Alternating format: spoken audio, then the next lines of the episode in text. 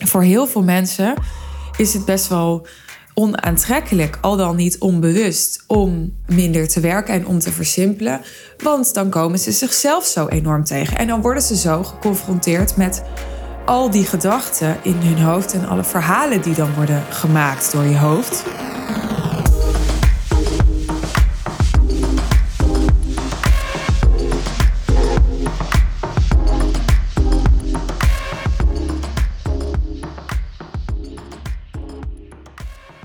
Naar mijn weten kun je niet minder denken. Je kunt wel minder piekeren.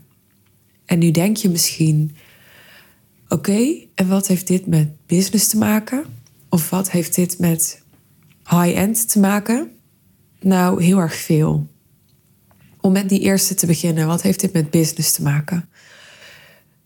Jouw aantrekkingskracht en daarmee jouw effectiviteit dus de mate waarin je in staat bent om te manifesteren wat je wilt in een toestand van flow, in plaats van dat je er heel veel daadkracht en effort voor nodig hebt.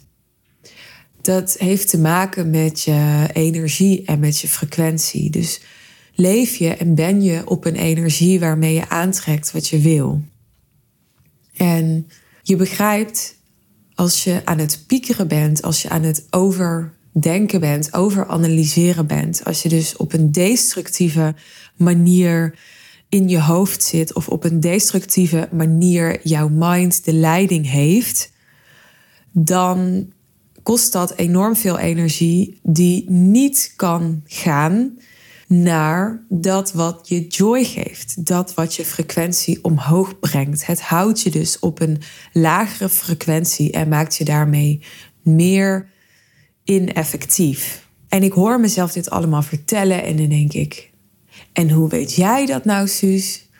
Ja, het eerlijke antwoord is: ik weet dat niet. Ik heb hier niet voor gestudeerd. Ik heb hier niet een examen in gedaan. Ik kan ook geen harde bewijzen aan je aanleveren. Waarom zeg ik dit? Omdat het is wat ik heb geleerd, zowel in theorie als in praktijk. Ik heb sinds 2017 zo enorm veel gedaan, zowel qua consumeren als qua produceren, als gewoon qua doorleven als het gaat over persoonlijke ontwikkeling dat dit de conclusie is die ik daaruit heb getrokken. En het is aan jou of je dat genoeg vindt om hier naar te luisteren en het serieus te nemen en het op te volgen en het te gebruiken in je voordeel omdat je me gelooft. Misschien vind je het raar dat ik dit er allemaal bij zeg, maar ik vind het toch belangrijk omdat ik soms mensen dingen hoor zeggen of zie schrijven en ik ben daar dus zelf gewoon één van. Hè? Dus het is geen, geen oordeel, geen waardeoordeel. Maar ik lees wel eens dingen op Instagram en dan denk ik, ja, oké, het staat er, je schrijft het alsof het de waarheid is, maar hoe weet ik dat eigenlijk? ik bedoel, uh, waarom moet ik juist dit geloven? En waarom niet de twaalf andere manieren om daar naar te kijken? Nou, in realiteit zijn er waarschijnlijk 1200 andere manieren of approaches die ook waar kunnen zijn.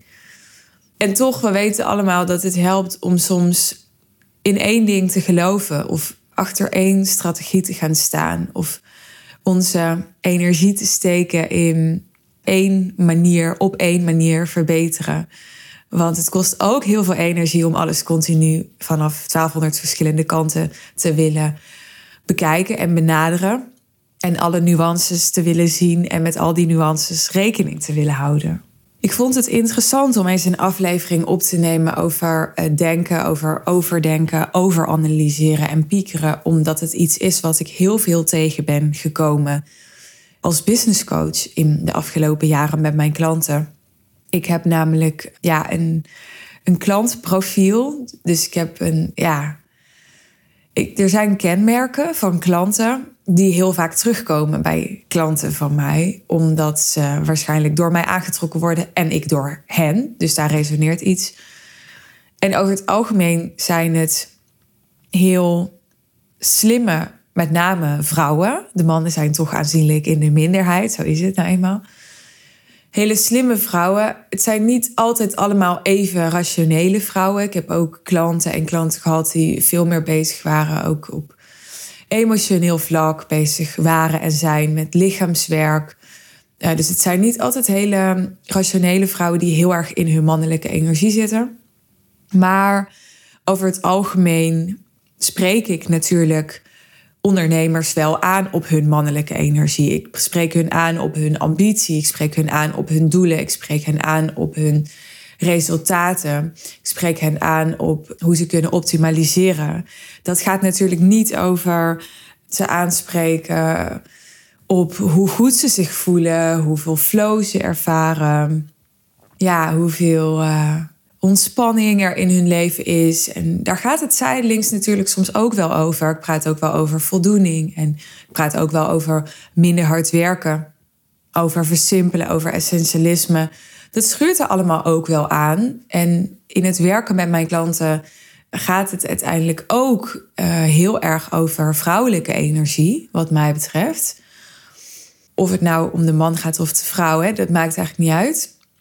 Maar de vrouwen die op mij afkomen, die willen of echt veel meer die mannelijke energie ontwikkelen of in die mannelijke energie gestuurd en begeleid worden en kiezen er dus bewust aan om in het traject met mij ja, gebruik te maken van hun mannelijke energie en die regelmatig centraal te stellen. Of het zijn vrouwen die dat van nature al doen en die al heel erg vanuit hun mannelijke energie over het algemeen hun beslissingen maken, hun keuzes maken, hun acties nemen en in het leven staan.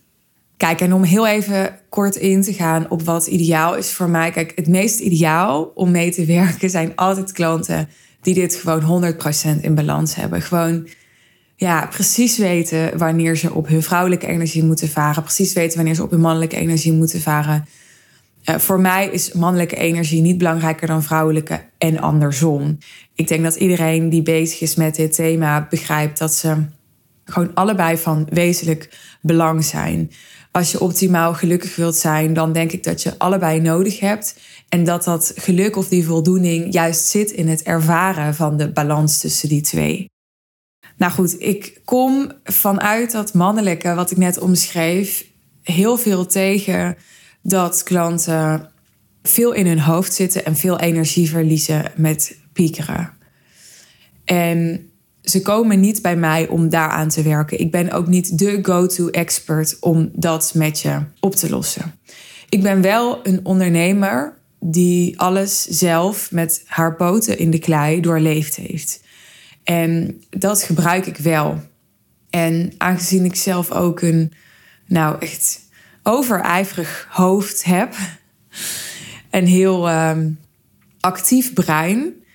Ik zeg wel eens, ja, mijn brein is heel snel onderprikkeld. Je hoort tegenwoordig dat we heel vaak overprikkeld zijn. Maar ik merk, mijn brein wil heel graag iets te doen hebben.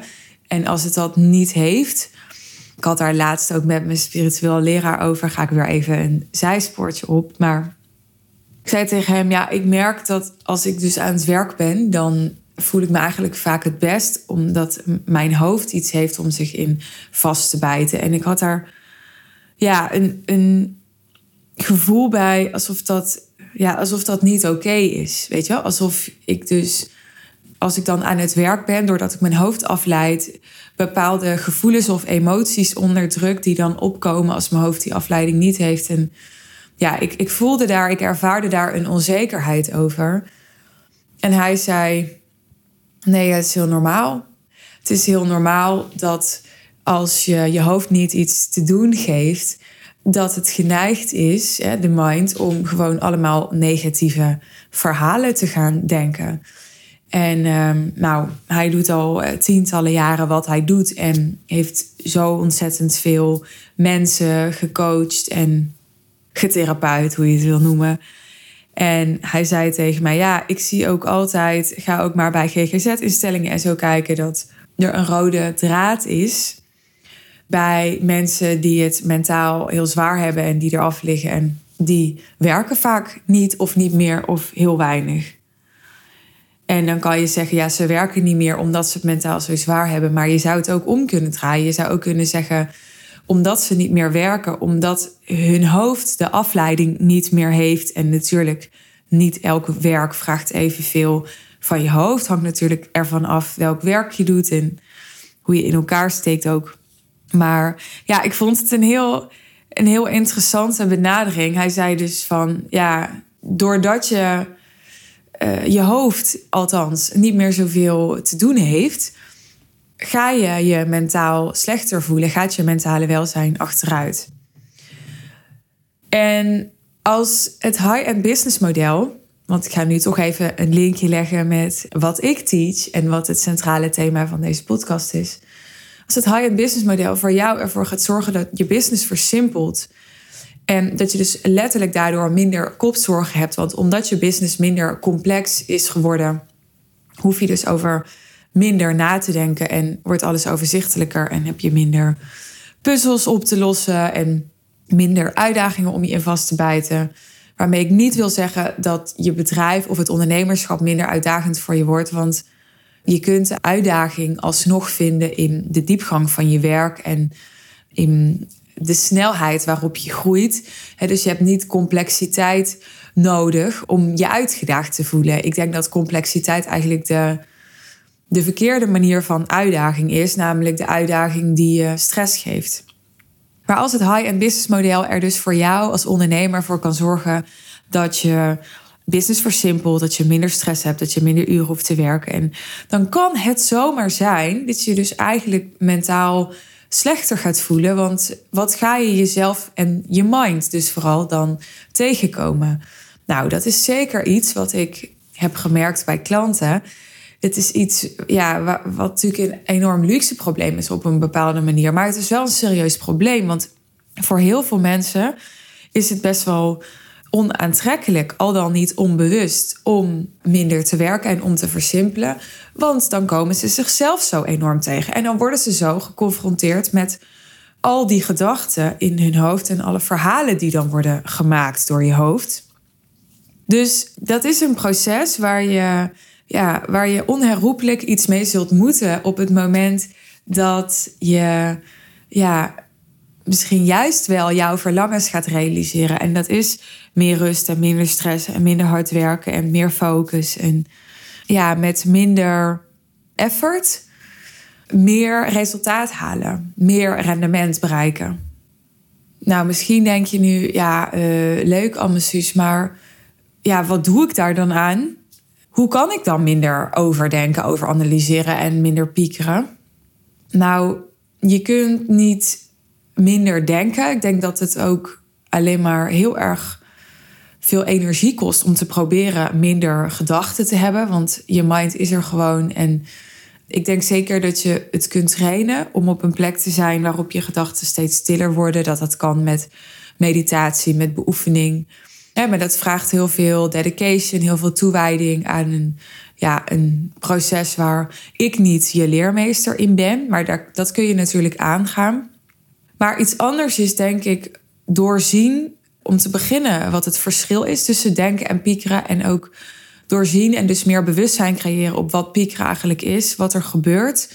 En gewoon hele pragmatische handigheidjes jezelf aanleren over ja, wat je kunt doen op het moment dat je bij jezelf signaleert dat je op een niet-constructieve manier aan het denken bent, wat je dan piekeren zou kunnen noemen. Ik zeg bijvoorbeeld wel eens tegen klanten: spreek met jezelf een soort codewoord af. Als er op dit moment een thema is in je leven waarover je piekert, wat veel in je hoofd rondzoomt, zonder dat die gedachten per se iets, iets oplossen of je helpen. Nou, dan, dan kun je daar een woord aan koppelen. Dus stel, je wilt eigenlijk afscheid nemen van je VA. Maar je twijfelt er ook nog aan, want misschien moet je er nog een kans geven. En nou, en je zit daar veel mee in je hoofd en je ervaart daar onrust van, omdat je voelt dat je er iets mee moet, maar je weet niet precies wanneer en je weet niet precies hoe en je weet niet precies of je daar goed aan doet. En nou, daar heb je allerlei gedachten, piekergedachten over. Dan zou je gewoon je naam van je VA als een soort codewoord met jezelf kunnen afspreken, waarbij je dus elke keer dat je jezelf er bewust van wordt, En dat kan niet 24-7, want we zijn ons niet 24-7 bewust van onze gedachten. Er zijn absoluut momenten dat je je weer geïdentificeerd met je gedachten zult voelen.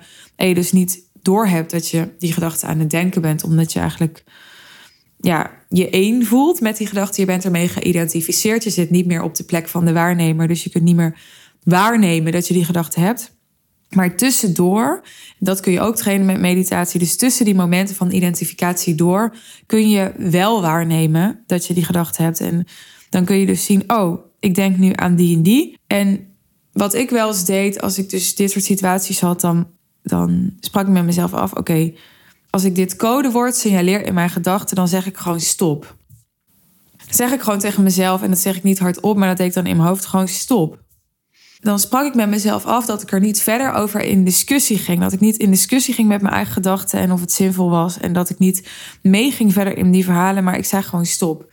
Nou, en dat hou je dan misschien een minuut vol, weet ik hoe lang. En dan waarschijnlijk gaan die gedachten gewoon weer verder. Maar je kunt dit trainen. dus hoe vaker je ja, stop zegt tegen jezelf, hoe bewuster je je kunt worden en hoe eerder je zult signaleren dat je die gedachte weer aan denken bent. En op een gegeven moment gaat dit steeds vloeiender. Dus dat is gewoon een soort trucje wat ik, ja, wat ik zelf wel eens toepas. En verder is het ook heel helpvol om. Is helpvol een woord in Nederlands? In Engels zeggen ze dan helpful. Maar misschien bestaat helpvol helemaal niet. Helpend is het, denk ik. Het is helpend om je te realiseren dat er een mindfuck, schappig hè, mindfuck, een beetje ironisch, is als het gaat over denken. Want denken geeft het, feit dat we denken en dat we ergens over nadenken, dat geeft ons het gevoel dat we helpend bezig zijn. Dat geeft ons het gevoel dat we het aan het oplossen zijn. Het geeft ons het gevoel dat we productief zijn, dat we nuttig zijn.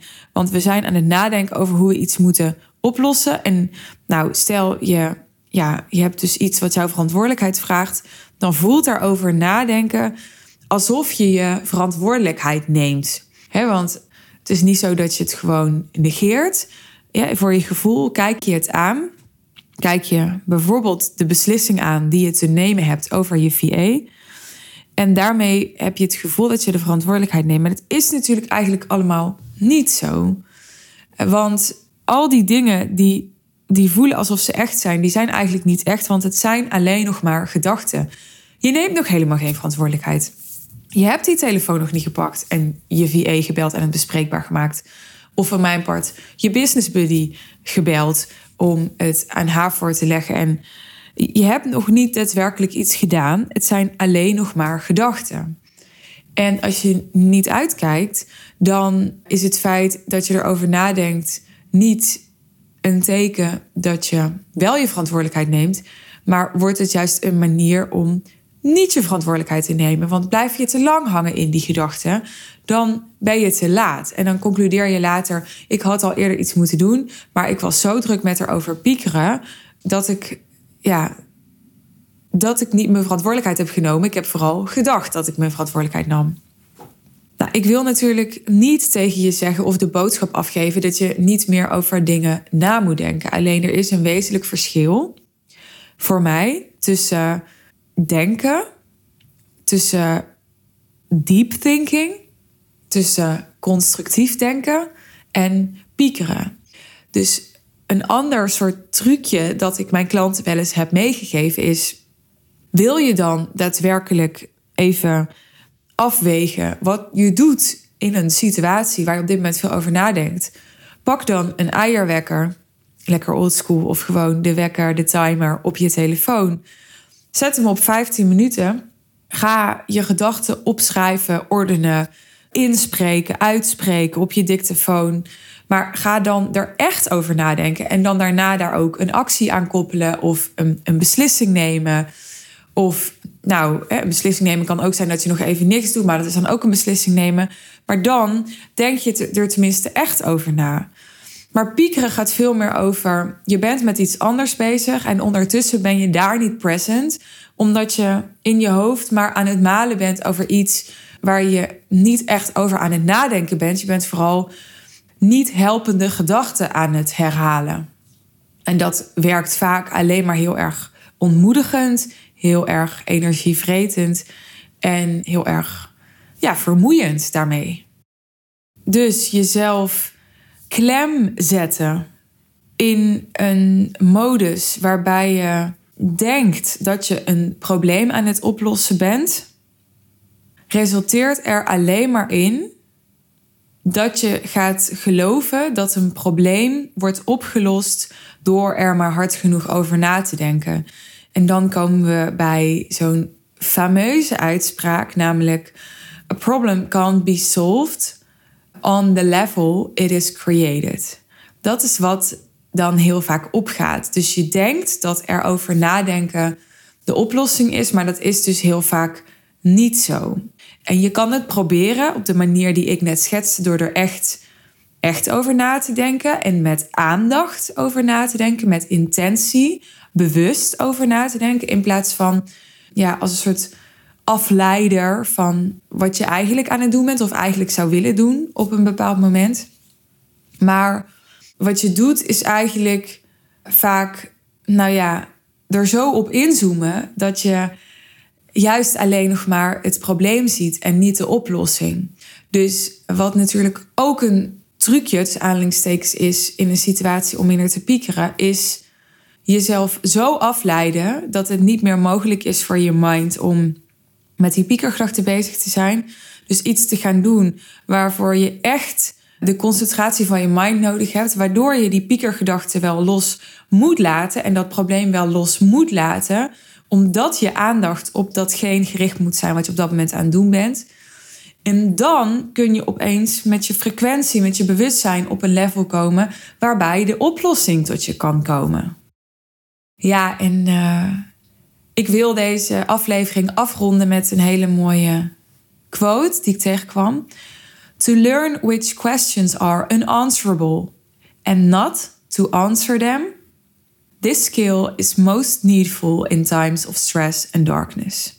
En times of stress and darkness wil niet per se zeggen dat je je al een half jaar depressief voelt of dat je je nu identificeert met iemand die heel erg gestrest is of ongelukkig of wat dan ook. Maar stress en darkness kan ook gewoon zitten in een half uurtje dat je aan het piekeren bent en verder misschien een hele gelukkige periode. En op zo'n moment kun je evengoed op dat moment stress en darkness ervaren. En dan denk je echt niet, oh, het is helemaal niet erg dat ik dit nu voel, want normaal dan, hè, dan voel ik me gewoon gelukkig. Nou, dat denk je misschien wel. Je kunt het daardoor misschien of daarmee misschien wel relativeren. Maar ik bedoel, de ervaring in het moment wordt daarmee niet anders, want die blijft op dat moment hetzelfde. Maar het bewustzijn dat, dat er ja, een uitweg is, hè, of, of het perspectief op dat er een uitweg is in zo'n donker moment, vind ik altijd heel erg helpend. En dat is bijvoorbeeld dat je weet en dat je er bewust van bent: oké, ik kan leren dat er vragen zijn die op dit moment beantwoord kunnen worden. En dan kun je de acties nemen, de stappen zetten om ze te beantwoorden en om daar de acties en de beslissingen aan te verbinden. En er zijn altijd vragen die op dit moment niet te beantwoorden zijn. En misschien morgen wel, of volgende week of volgend jaar. Maar op dit moment zijn ze unanswerable. En op het moment dat je over dat soort vragen blijft piekeren, ja, dan ben je letterlijk je eigen energielek aan het creëren. En los van dat het je veel ineffectiever zal maken als ondernemer, gaat het je natuurlijk ook niet blijer maken als mens. Ik ga het hierbij laten. Dit is wat ik voor deze aflevering met je wilde delen. Ik hoop dat het helpend, waardevol en interessant voor je was. Als je wilt reageren, dan connect gerust met me. Je mag me een DM sturen op Instagram. Je kunt met me connecten op LinkedIn. Daar kun je me ook een direct message sturen. Wil je liever mailen, kan ook al. Je e-mail komt dan bij mijn team. En wij zijn uh, met z'n allen bereikbaar via hello at wil je persoonlijk met mij werken? Ga dan naar de show notes. Daar vind je een verwijzing naar de sales page over ons traject. En daar kun je een call boeken met mij en of met Iris. Je zult in eerste instantie een van ons spreken. Ik hoor heel graag je verhaal. Ik hoor heel graag je ambities. Ik hoor heel graag je verlangens. En ik deel heel graag met je welke ideeën ik voor jou heb om veel simpeler en veel winstgevender te zijn aankomend jaar en vele jaren daarna onder jouw voorwaarden. Met een bedrijf dat helemaal bij jou past en waar jij je vervuld door voelt. Ik wens je verder een hele mooie dag, een hele mooie avond of een hele mooie nacht. Mocht je dit uh, s'avonds laat luisteren en heel graag weer tot de volgende podcastaflevering.